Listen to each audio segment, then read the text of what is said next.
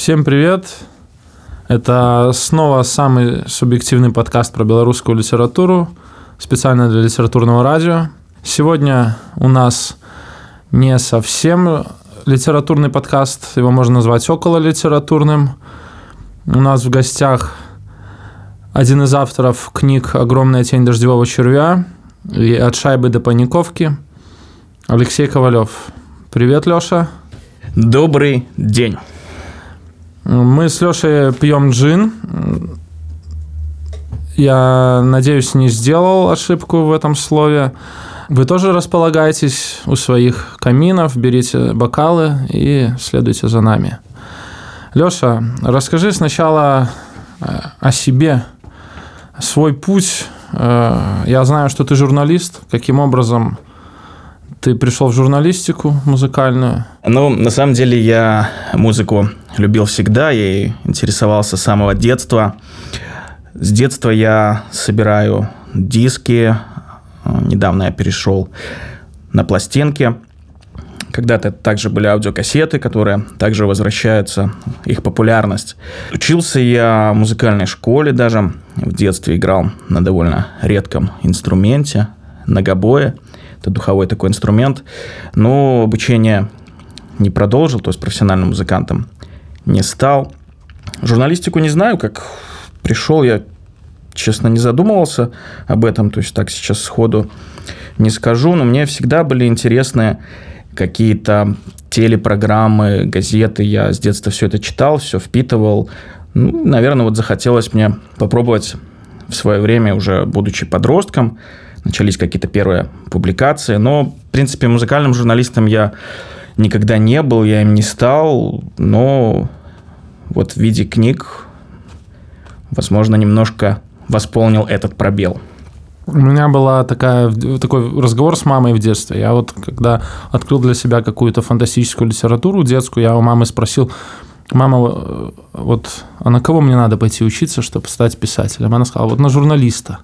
Ну, я на журналиста не пошел, но э, вот ты пошел на журналиста. Выбор профессии.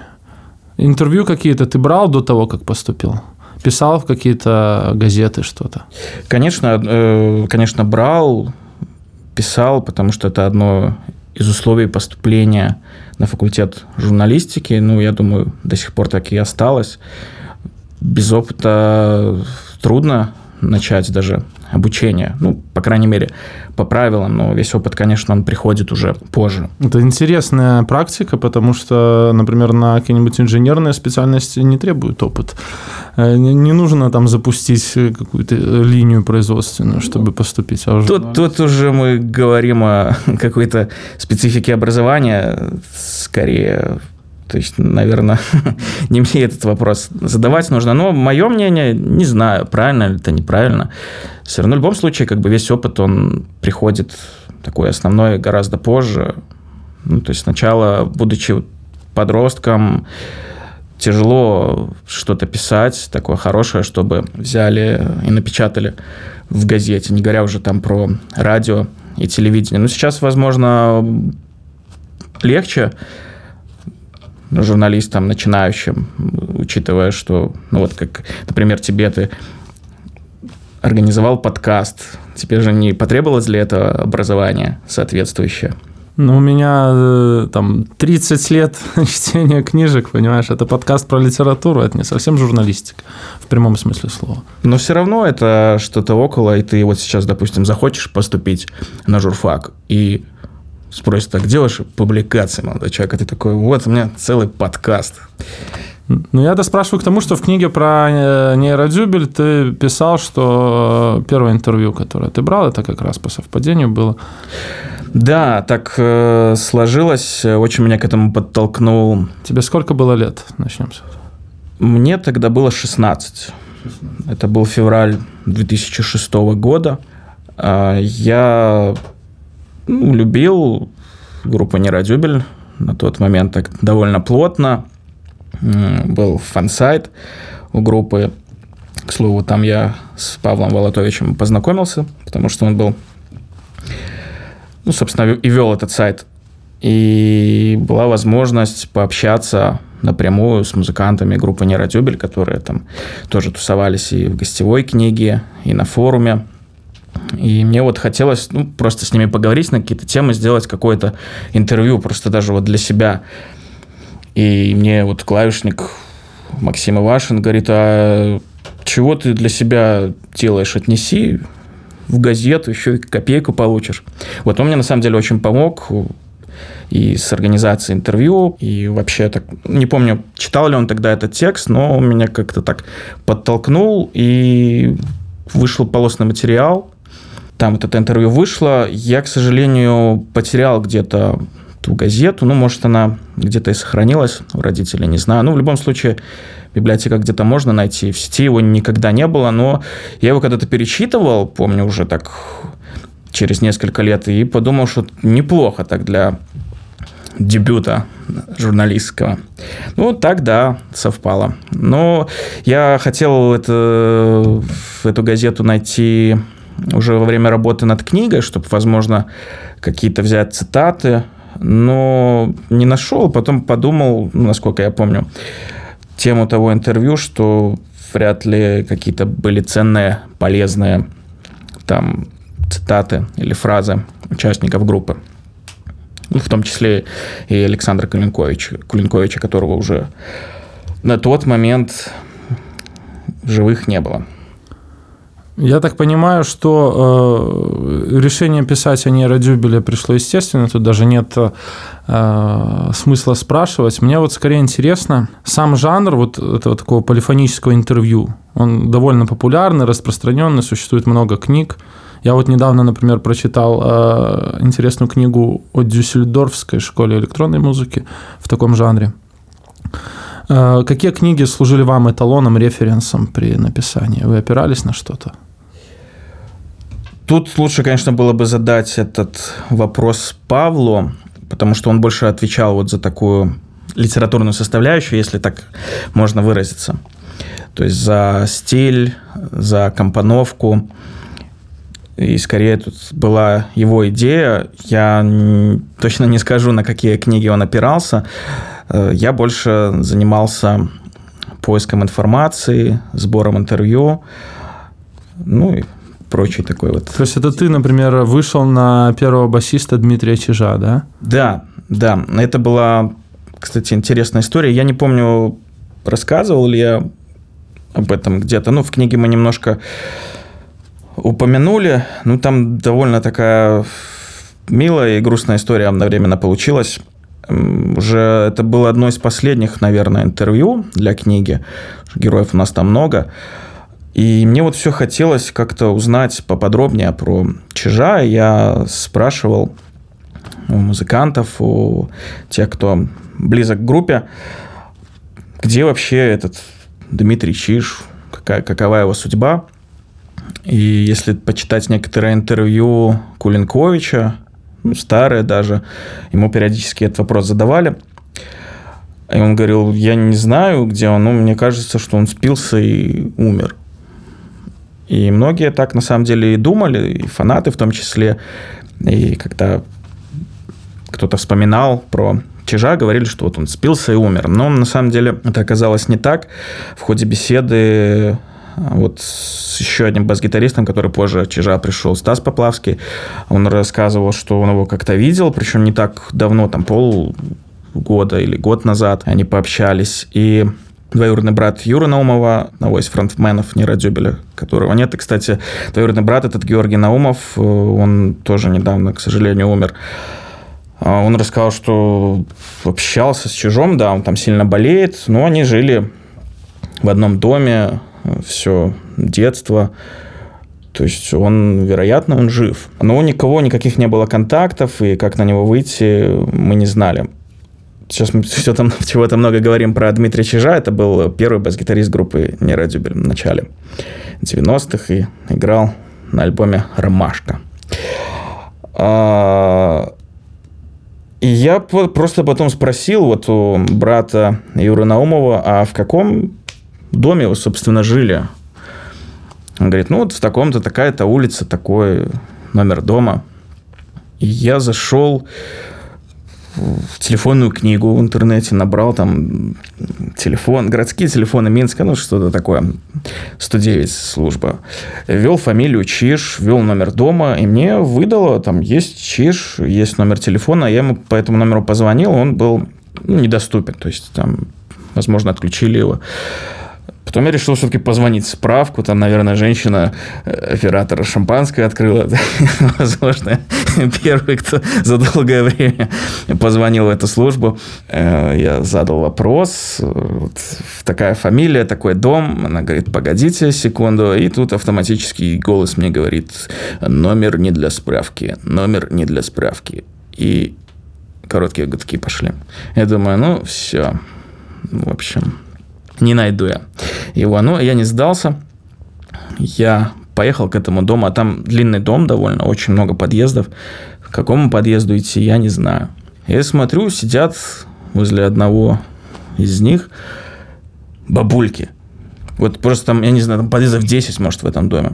И только вот возле одного такого политбюро собралось. Ну, я думаю, это они мне сейчас помогут. Я подхожу, там, говорю, здравствуйте, бабушки, там, извините, что я вас отвлекаю. Говорю, а вы не подскажете, чижи где живут? Говорит, так вот они в этом подъезде живут. И там какая-то еще бабка из окна вылазит. Да, так вот, там четвертый этаж, такая-то квартира. И они даже, ну, вот не спросили, кто я, что я. Я позвонил, и меня, собственно, открыла мама вот этого Дмитрия, мы с ней пообщались. Но, к сожалению, мы потом как раз пригласили на презентацию книги, и вот за неделю до презентации Дмитрий умер. Вот. И, кстати, никто до 50 лет из первого состава группы «Нерадюбель» не дожил. Ни Александр Кулинкович, ни Юрий Наумов, ни Дмитрий Чиш. Это вот участники первого концерта. Панк-рок очень вредная работа.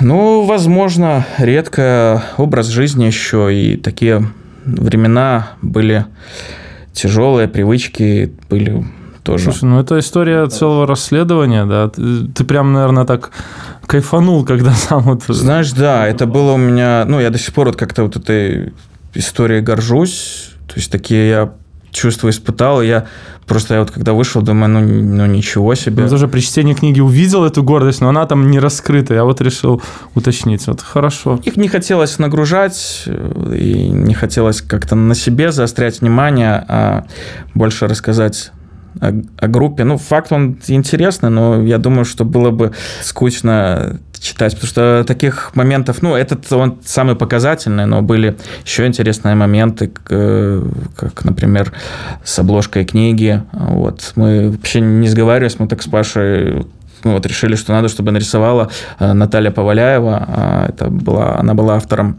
обложек группы Нейродюбель в 90-х, то есть все классические альбомы были в ее исполнении. И тут выяснилось, что последние годы Наталья как раз занимается дизайном обложек книг. И то есть так совпало все интересно. И она с удовольствием нам сделала два варианта обложки. Ну вот вышел один с нашей идеей. Еще был ее вариант. Ну, может, когда-нибудь и в таком оформлении выйдет какое-нибудь переиздание.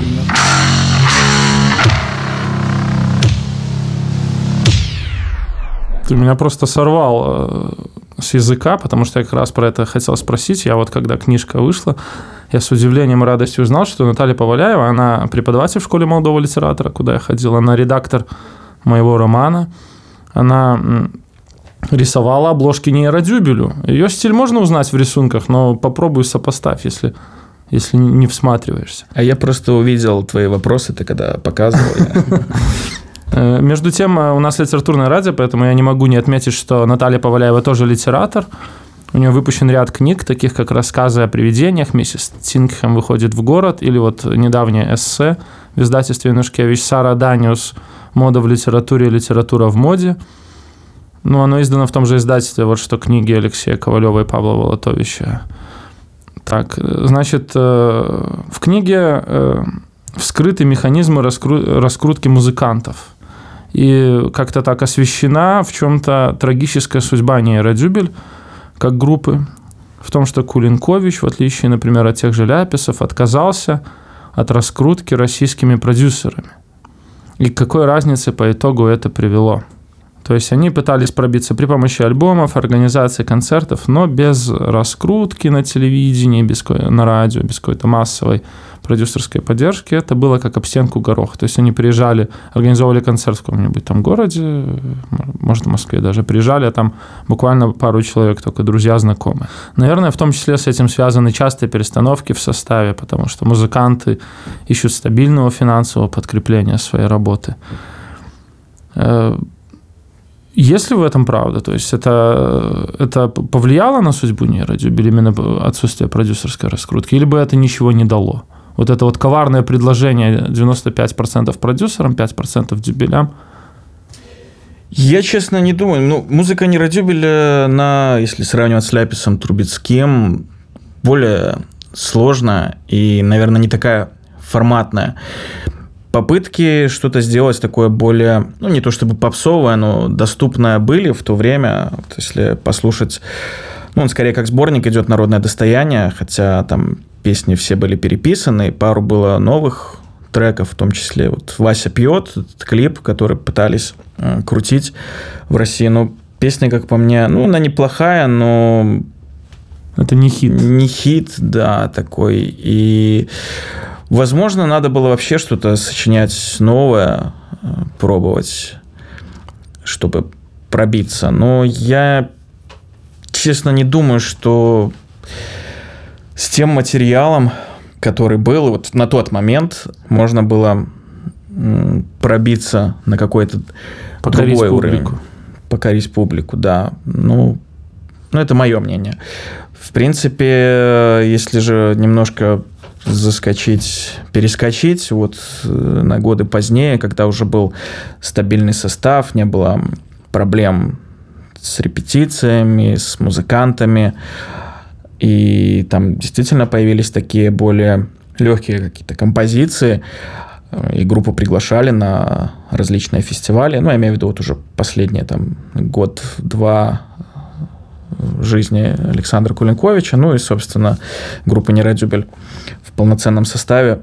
Возможно, смогли они выйти на какой-то новый уровень, но я не знаю, чего гадать. Тут как бы история сложилась так, как мы, собственно, и описали. Ну, возможно, по-другому могло как-то быть. Но вот ляписы выстрелили. Некоторых групп тоже что-то получалось, как у тех же лепреконцев, но все равно они не повторили, наверное, того успеха.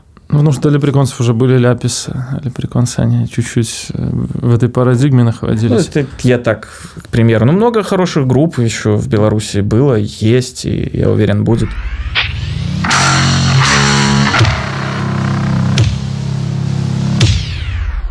Ну вот, наверное, нейродюбели менее понятны. Давай про это сейчас поговорим. То есть конкретно о литературе как раз, о поэзии нейродюбеля. Я э, сам торчал на нейродюбеле чуть там меньше 20 лет назад. Ломает до сих пор.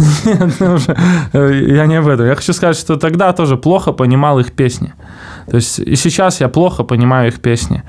Я ценю... Ты знаешь, я тебе скажу, все плохо понимают вот, их песни. Не, я ценю иррациональное в искусстве, но у них это иногда доходит до совершенно амбивалентных каких-то степеней. Вместе э, и в купе с расплывчатой гражданской позицией Кулинковича, который работал в Совбелке, там всякое такое. Ты вот сказал где-то, что тоже раньше считал песни Кулинковича потоком сознания, пока не взялся за эту книгу, при написании которой удивительным образом убедился, что каждая песня какое-то значение все-таки имеет. Вот это хорошо видно по главам, если ты обратил внимание, мы назвали их э, цитатами из песен, и они вот как раз и раскрывают какое-то значение некоторых композиций. Ну, я сейчас пытаюсь что-то вспомнить, тяжело мне немножко, может, процитировать будет, но в основном это все было, то есть эти фразы были или о детстве, а, особенно вот о той драке, когда Кулинковича сильно избили, когда у него были проблемы со здоровьем, не было, что, ну, на самом деле, что вот сложно, когда читаешь вот тексты целостности, то есть какие-то, этом, возможно, общей идеи даже не было, то есть они как будто фразы вырваны из контекста. Ну, такой у него был стиль, и я думаю, что ни у кого не удалось его повторить. Но это что касается вот такого более раннего творчества его. Раннего, ну и классического, хотя если взять там и середину 90-х, и конец, там тоже многие композиции они были написаны еще в начале 90-х. И этому тоже подтверждение нашлось, удалось вот... Что это песни из ранних текстов созданы? А, не то, что там даже музыка была старая, просто по различным причинам эти песни не были записаны в тот момент, когда их сочинили, а уже после. То есть э, какие-то демки мы нашли, старые, вот известных песен уже, ну, таких самых, возможно, даже популярных, но уже вышедших в конце 90-х. Почему книга называется «Огромная тень дождевого червя»? Это название придумал Павел, причем он его придумал э, еще до написания книги, а в отличие от второго нашего труда от паниковки до шайбы, мы уже название придумали после того, как была написана книга. Ну, тут лучше, конечно, задать вопрос, наверное, Павлу, он более подробно бы рассказал. Ну, и мне, мне очень понравилось э, это название его, это цитата из песни «Полцарства», и мне кажется, она полностью отражает творчество и судьбу в какой-то мере группы Нерадебель. на обложке тоже это воссоздано. Ну, я понимаю, ну, дождевой червь это что-то маленькое, а тень у него огромная. Ну, вот и группа Нерадюбель вроде Вроде что-то небольшое, но такое... Это какая-то отсылка к Платоновской пещере. Такое положили. Ну, я, кстати, не знаю, что подразумевал вообще под этой фразой Кулинкович. Вот тоже было бы. Там я где-то видел ссылку, что это как будто сам Кулинкович как будто там дал идею, чтобы его биография о группе так называлась. Нет, вот этого я не слышал. Он вообще как не очень относился к идее, что там когда-то будет написано. Что собирают информацию. Книга. Но попыток э, на самом деле много было. Я не знаю, первое ли мы, просто Павел давно начал над книгой работать, он забросил, но еще было два автора, независимо друг от друга, они писали книгу, то есть отрывки есть, и я их читал. Один из авторов, он там сотрудничал плотно с Кулинковичем. Ну, причем мы э, почитали их уже после того, как у нас книга была практически готова. И, ну, каких-то интересных фактов мы для себя там Новых там не было. Ну, там жанры были более классические, когда просто описывается, да, вот так вот ну, Действия третьих лиц, а не полифоническое интервью. Просто там такие были черновики, там не, не целиком книга. Ну да, но как, как будто читаешь биографию на каком-то сайте, и там редкие были цитаты от его лица рассказ, то от автора, и не понять. Ну, я сейчас не хочу критиковать, конечно, учитывая то, что это были рукописи, там далеко не полные, просто к тому, что попытки были увековечить вот память группы Нейродюбель. Удивлен был, возможно, даже приятно удивлен, узнав, какое значение для, не только там для Нейродюбеля, а вообще для белорусского андеграунда имели фигуры Едвиги Поплавской Александра Тихановича. Можно сказать, что это какие-то недооцененные фигуры, что попса для них это была какая-то просто работа, а на самом деле они глубже, интереснее? Не знаю, ну, была ли это просто работа. Мне недавно достался диск, э, сборник песен Едвиги Поплавской, Александра Тихановича. Я с удовольствием его послушал, был очень удивлен разноплановости материала. Понятно, что это эстрадная музыка. Но это очень интересные, на самом деле, личности. Напрямую с Ядвигой Поплавской лично я не общался. Мы, грубо говоря, передали вопросы, она нам уже в письменном виде ответила. Но я активно общался с ее дочерью Анастасией. Тоже довольно хорошая история она рассказала. А про Александра Тихановича я был лично удивлен. С рассказов коллег я знал, что он такой интересный довольно персонаж. Но особенно, когда мы начали уже работать над второй книгой, узнали, что он такой прям ну, так, грубо говоря, такой старый панк. Ходил на панк-концерты. В, хорошем смысле. Давал оборудование на панк-концерты. То есть, да, эта личность, безусловно, недооцененная. Про это, конечно, да, было бы интересно узнать, да.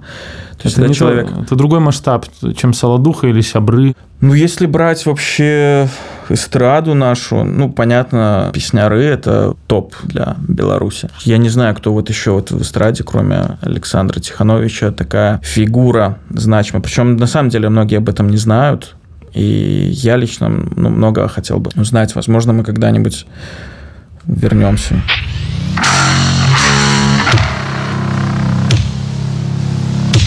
У вас ушли оба тиража первой книги, их уже нет. Да, давно. Я видел в России издательство «Выргород» продает за 1700 российских рублей, то есть уже цена такая кусачая для э, книги такого объема, формата.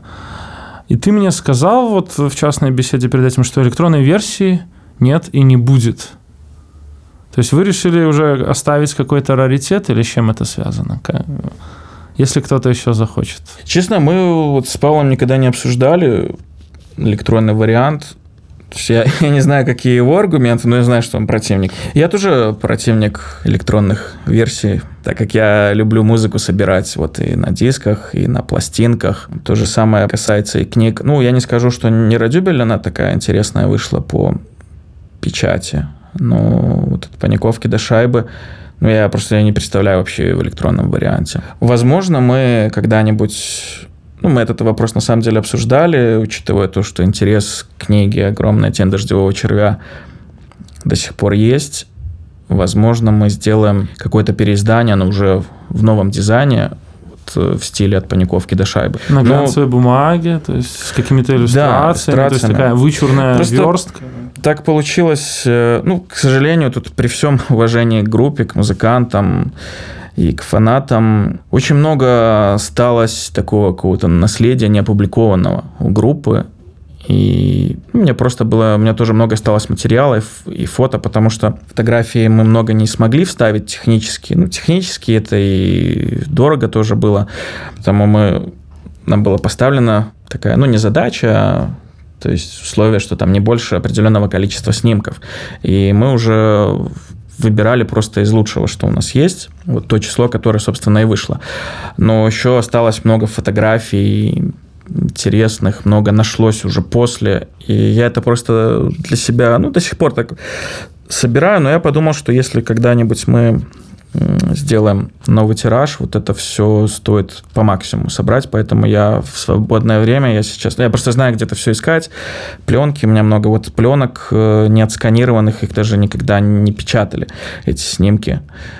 Я что-то выкладываю в Фейсбуке у себя, и еще, ну, то есть я знаю, где много есть афиш, можно у кого взять, отсканировать, много фотоальбомов. Есть такая категория каких-то больших иллюстрированных таких э, подарочных или просто дорогих э, изданий, э, биографии рок-групп, вот что-то такое комбинированное можно было бы сделать. Ну, в стиле вот как от паниковки до шайбы у нас, то есть много снимков. Ну, Только было бы толще, да, получается, текста больше и, и, и иллюстрации. Иллюстрации, да. да, то есть, ну, есть чем добавить, много чего нашлось, много как бы чего узналось, добавилось, но тут тот вопрос у нас скорее финансовый сейчас стоит, потому что такой дизайн, он тоже ну, и требует... цена книги на выходе потом... Да, я как бы не знаю, спрос тоже какой будет на книгу. Ну, сейчас периодически спрашивают, ну, не периодически, даже постоянно, там, где купить, где купить. Ну, есть в библиотеках книга. В национальной библиотеке, кстати, три экземпляра есть минимум.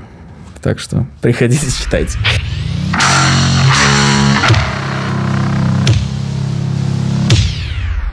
Ну вот мы последовательно и пришли к, ко второй книге. Она называется «От паниковки до шайбы. Гайд по тусовочному Минску 90-х». Это гайд действительно по местам 90-х, он же памятник многим ныне несуществующим местам. В этой книге вы уже взяли такую работу какую-то летописцев исчезнувшего времени. Я в 2005 году, вот ты из Барановича, я из Слонима приехал. Это э, эти города недалеко друг от друга находятся. Я, например, в детстве тоже часто в Барановичи ездил. Я в 2005 году приехал из Слонима. В Минске не было такого обилия каких-то баров, как, как теперь. Э, потому что не так много еще было денег по ним ходить. И все бухали просто рядами на улице. Э, Немига вся была облеплена просто как набережная сены вот какая, какой-то осколок вот этих свободных 90-х я еще успел застать. Почему это все ушло? Вы себе дали ответ? Мы не только себе дали этот ответ, он есть и в книге, что послужило таким мощным ударом по тусовкам. Это запрет распития пива на улице.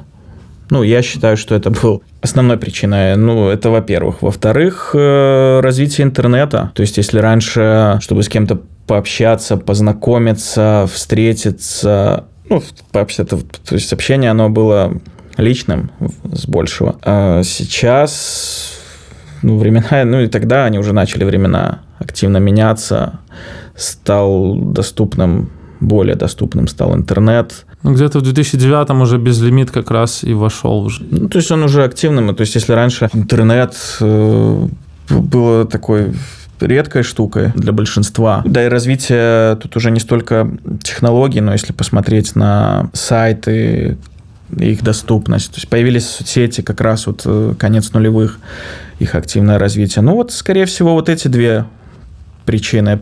Плюс э, доступность всего той же музыки. Раньше нужно было покупать музыку на носителях, послушать какую-то группу можно было только на концерте, на каком-то сейшене. Ну, изменились увлечения, то есть те люди тоже выросли. Но это не значит, что сейчас нету концертов, тусовок. Просто оно все эволюционировало. И...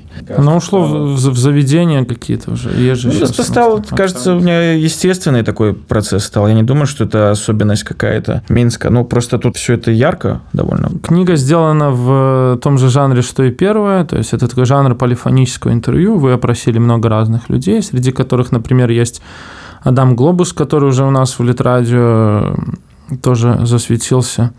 Если с выбором материала для нейродюбеля все ясно, там э, вы преследовали определенную логику, то как производился выбор людей на вторую книгу? Ну, во-первых, несколько героев перекочевали у нас из первой книги. Такие яркие личности, их нельзя было не включить.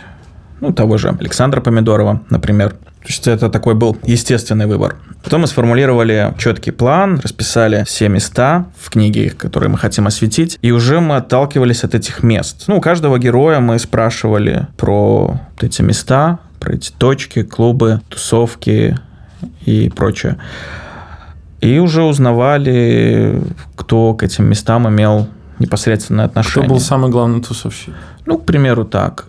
Ну, уже искали потом этих людей. Конечно, опросить можно было раз пять больше человек, но уже на последнем этапе это стало не то чтобы скучно даже, а очень физически тяжело, когда ты общаешься с человеком, и ты, ну, там, я не помню, у нас около, ну, больше 40 героев, я сейчас не вспомню, сколько точно, и когда ты там в сороковой раз ты слышишь одну и ту же историю, и когда тебе говорят, ой, я тебе сейчас такое расскажу, тебе никто не рассказывал, а, ну, а ты уже это слышал. И с каждым интервью было сложнее информацию какую-то... Новую. Новую, да, вычеркнуть или даже что-то интересное написать из этого. То есть приходилось там буквально по капле выбирать, потому что, ну, возможно, ты обратил внимание, что некоторые герои там буквально одна да, да, две да, цитаты да, да. присутствуют. Но это в основном потому, что были ли какие-то неинтересные истории или же повторения. Плюс э, некоторые герои отказались от общения, некоторые ну, как-то очень тянули, не проявили интереса, и тоже не хотелось их уже сильно дергать. Потому что многие обижаются, почему вот со мной не поговорили, почему не спросить, ну, не конкретно со мной, а с людьми, которых в книге нет, почему кого-то не нашли определенного еще. Но всех как бы не опросишь. У нас все же я это я про Нерадюбель повторялся, и про книгу «От паниковки до шайбы» скажу, что у нас не энциклопедия, то есть это скорее такой срез эпохи. Вот, конечно, я бы с удовольствием написал бы вот точно такую же бы сейчас книгу про те же места, но вот просто взял бы других там 50 героев и абсолютно другие снимки. Ну, в любом случае, все равно у всех свои истории. Вот я когда читал, мне вот немного было жалко, что вот книга уже вот так быстро кончается. Хотелось бы еще, еще больше разных историй. Там много забавных эпизодов. Например, там драка Максима Жбанкова, Артура Клинова в Центральном. Или там сохранение горшка в Думе, да, что был концерт Король и Шут в клубе резервация, потом группа Король и Шут ночевала на вписке, все бухали, а горшок увидел компьютер и решил просто играть э, всю эту пьянку в компьютер, и там э, еще несколько лет оставались его сохранения в Думе. Вот, и мне вот э, прям хотелось, хотелось вот этого всего, чтобы еще, еще, еще Минск. Но это, да, надо больше работы. Мне кажется, про один только центральный можно там книгу такого объема написать, ее будет интересно читать, потому что столько э, всего происходит с каждым человеком. Ну, это лишь говорит о том, что и тусовка, и Минск, они многогранные. Действительно, нужно много писать. У нас, как и было с Нейродебелем, мы же это во вступлении рассказали о том, что было много историй, хотелось сделать что-то еще новое, интересное в таком же духе. Но мы не останавливаемся, у нас есть еще идеи для новых книг, поэтому... Расскажи, давай, раз мы затронули, чтобы я потом в конце не переспрашивал.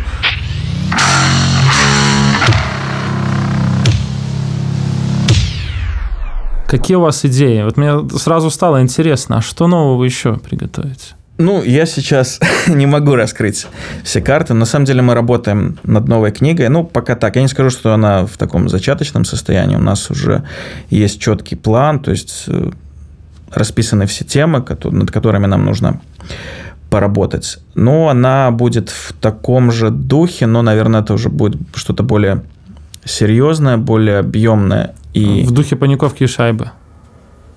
Ну, наверное. Наверное. Слушай, ну никакого эксклюзива. Обидно, обидно. Просто мы пока только, только начали, да. У нас были еще идеи, на самом деле, для двух книг, то есть похожие в стиле «Огромной тени дождевого червя» и в стиле «От паниковки до шайбы», но они были завязаны на некоторых персоналях, более плотно. И, к сожалению, эти люди пока отказались. Возможно, мы, когда еще что-то напишем, больше заявим о себе, мы, конечно, ну, лично мне очень хотелось бы вернуться к этим темам и написать такие книги, так что мы постараемся что-то сделать. Ну, идей много, на самом деле, и у меня, и у Паши, но тут еще важно, чтобы у нас сошлись наши интересы, чтобы было интересно писать и ему, и мне. А не всегда так бывает. Еще просто вот до слез воспоминания при чтении меня кольнули о клубе «Реактор». Я не так много успел посетить в нулевых клубов, но, наверное, это лучший концертный клуб в Минске, в котором я был. Даже вот э, прошло столько лет, и мне кажется, клуб, такого клуба и нет. И когда он закрылся, я вот, например, лично воспринял это как потерю. Есть у него какие-то аналоги? Ну, всегда аналогом считался Репаблик, ну, понятно, что это было не то. Я в реакторе тоже не очень много был, но мне нравилось. То есть как-то и планировка вот это... Вот именно планировка в реакторе способствовала концертам как-то, да? Сцена вот со всех сторон была видна, с трех там и так далее. Ну, я уже вот последние как-то годы мне я не часто, на самом деле, на концерты ходил, ну, и мне вот этот расколбас уже последнее время начал бесить. Мне просто было интересно послушать музыку, поэтому я вот лично был рад, когда открылся Prime Hall, и когда там проходили ну, действительно классные концерты. То есть там можно сесть, наверху тебе все видно, тебя никто не Кстати, толкает. в реакторе тоже был второй этаж. Ну, я тогда себе не мог а, позволить это. А мы, не, мы ходили не за столики, мы так просто ходили. Я помню, у нас был неприятный эпизод с, с Митером Сосновским на Дуда Фесте каком-то, потому что он нас оттуда прогонял, потому что он купил билет и должен смотреть, а мы тут... Кстати, с ним не пообщался, я думаю, что вот он интересно мог бы рассказать, он был же очень причастен к единственному турне группы не Да, да, да, причем такое по э, Беларуси. жесткое, серьезное, да. Вот интересно было читать про этот тур тоже. Мы после уже выхода книги ну, были такие разговоры, я уже так все детали не буду раскрывать, но хотелось сделать фильм, не мы этим занимались но к нам обратились за помощью вообще с поиском документального какого-то материала. И, собственно, вот этими архивами видео я занимался на протяжении нескольких месяцев. Ну, к сожалению, все это заглохло, и у нас этот материал долго лежал.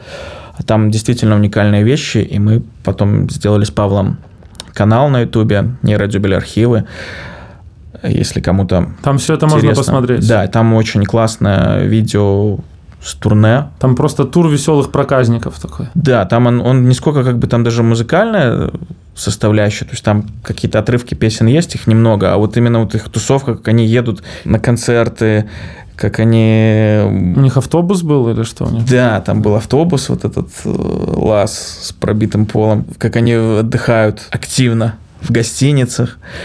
Все, бежим смотреть. Купаются в речках, ну и различных водоемах, но Беларуси. Но там такая прям вот эпоха, это 2001 год, то есть уже век закончился физически, но смотришь, как будто еще такие 90-е. То есть там вот гостиницы, думаешь, так это уже было, они же в этой гостинице были. А это, оказывается, другой город, то есть такие вот типичные там Все кровати, алкоголь там везде одинаковый, вот эти напитки белорусские, то есть не такое разнообразие. Но я с удовольствием, я уже, честно, я когда монтировал это видео, потому что там были много кусков, было с разных концертов, там на куче дисков, я это все собрал в одно, в один файл. Кроме Минского концерта мы его отдельно выложили, потому что он такой, там больше выступления как раз-таки. А вот по городам Беларуси, и я тогда с удовольствием посмотрел потом с друзьями много смотрел, с братом. То есть я, ну, я раз пять пересмотрел с удовольствием, и я уверен, что еще с кем-нибудь пересмотрю. Ну, хорошо, что мы затронули Змитера Сосновского, вышли на такую важную тему. Я надеюсь, еще э, и люди откроют и посмотрят. Я точно посмотрю. Кстати, не, недавно мне один из бывших участников, а может не из бывших, настоящих, э, группы Старый Ольса подошел и сказал, напишите книгу про Старый Ольса. Говорит, я вас, я с Сосновским поговорю, он захочет это будет крутая книга. Ну, не сомневаюсь, конечно. Ну, по крайней мере, вы работаете не над ней, мы уже Нет, поняли. не над ней. Ну, вот такие, да, такой вот, ну, это, не знаю.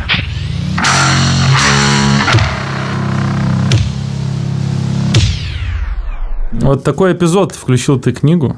Это там была прям твоя подпись. Сидят во дворе две девушки, тебя старше. Ты подходишь, девочки, пойдемте ко мне домой, я вам видик покажу. Мы мультики не смотрим, сказали они. А ты сказал, так я вам секс включу. И все, и конец сцены. Я, я вообще не понял, что это за облом. И чем все закончилось? Ты включил девочкам секс? История, на самом деле, в предисловии она была полной. Вот, ну тут надо сейчас вспомнить, передать привет Павлу Волотовичу. На самом деле, Павел, у него очень классный стиль. Он, ну, я думаю, что ты заметил, что наши обе книги читаются легко. Я так писать не умею. Вот это нужно отдать должное Павлу. Но я умею собирать материал практически любой, отыскивать, поэтому у нас такой сформировался очень классный тандем. Пытливый ум и легкое перо. Да, и я вот себе рассказывал, как мы писали огромную тень, что то есть там реально 24 часа в сутки у нас выходило за счет разницы в часовых поясах.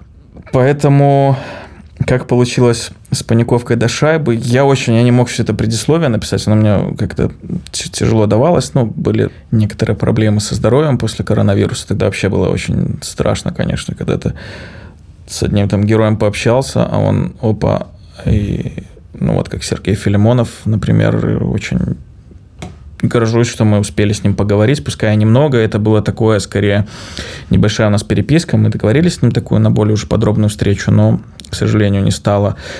Вот как еще договорились мы с Юрием Даньковым, я уже с ним на самом деле договорился о встрече, общался, а он сказал, что вот сегодня не сможет, потому что заболел, и потом его не стало из-за коронавируса. Ну, я к тому, что очень тяжело мне давалось это предисловие, но я его в итоге написал. Э, кстати, Паше оно понравилось, но он его подсократил немножко, вот оставил такую интрижку. А новую историю расскажу, на самом деле. Честно, я не помню этого всего. Эту историю мне всегда рассказывают родители. Они ее всегда мне вспоминают. Что было дальше, я тоже не знаю, но э, был такой облом этих девушек. Ну, я очень маленький был, потому что я, наверное, еще в садик ходил. Ну, может... А, то есть ты такого возраста? То есть, может быть... Э... Ну, секс уже на видике включал. Я не знаю, что это были за кассеты даже. Я вот... Потому что это вот э, со слов родителей. Надо у них, конечно, спросить, чем там закончилось, что это были за девушки, насколько они меня были старше. Но то, что они испытали шок полнейший, это вот я Точно. сам испытал, а я человек опытный. С Маркиза де Сада читал.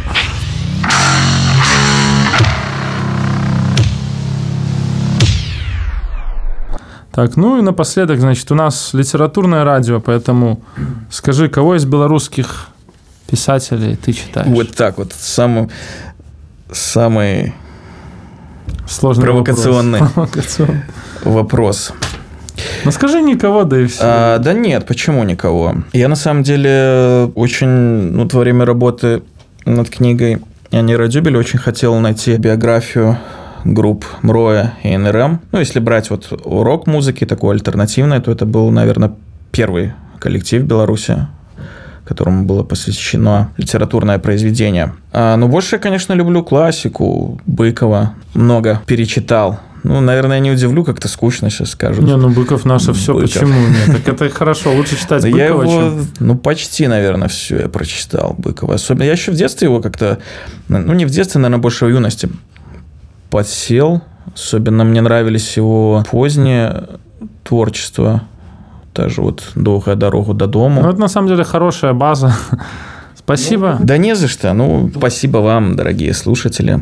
Алексей Ковалев, специально для литературного радио. Да, и Андрей Дудко специально для Супер Дудко. До свидания. До свидания. Супер Дудко.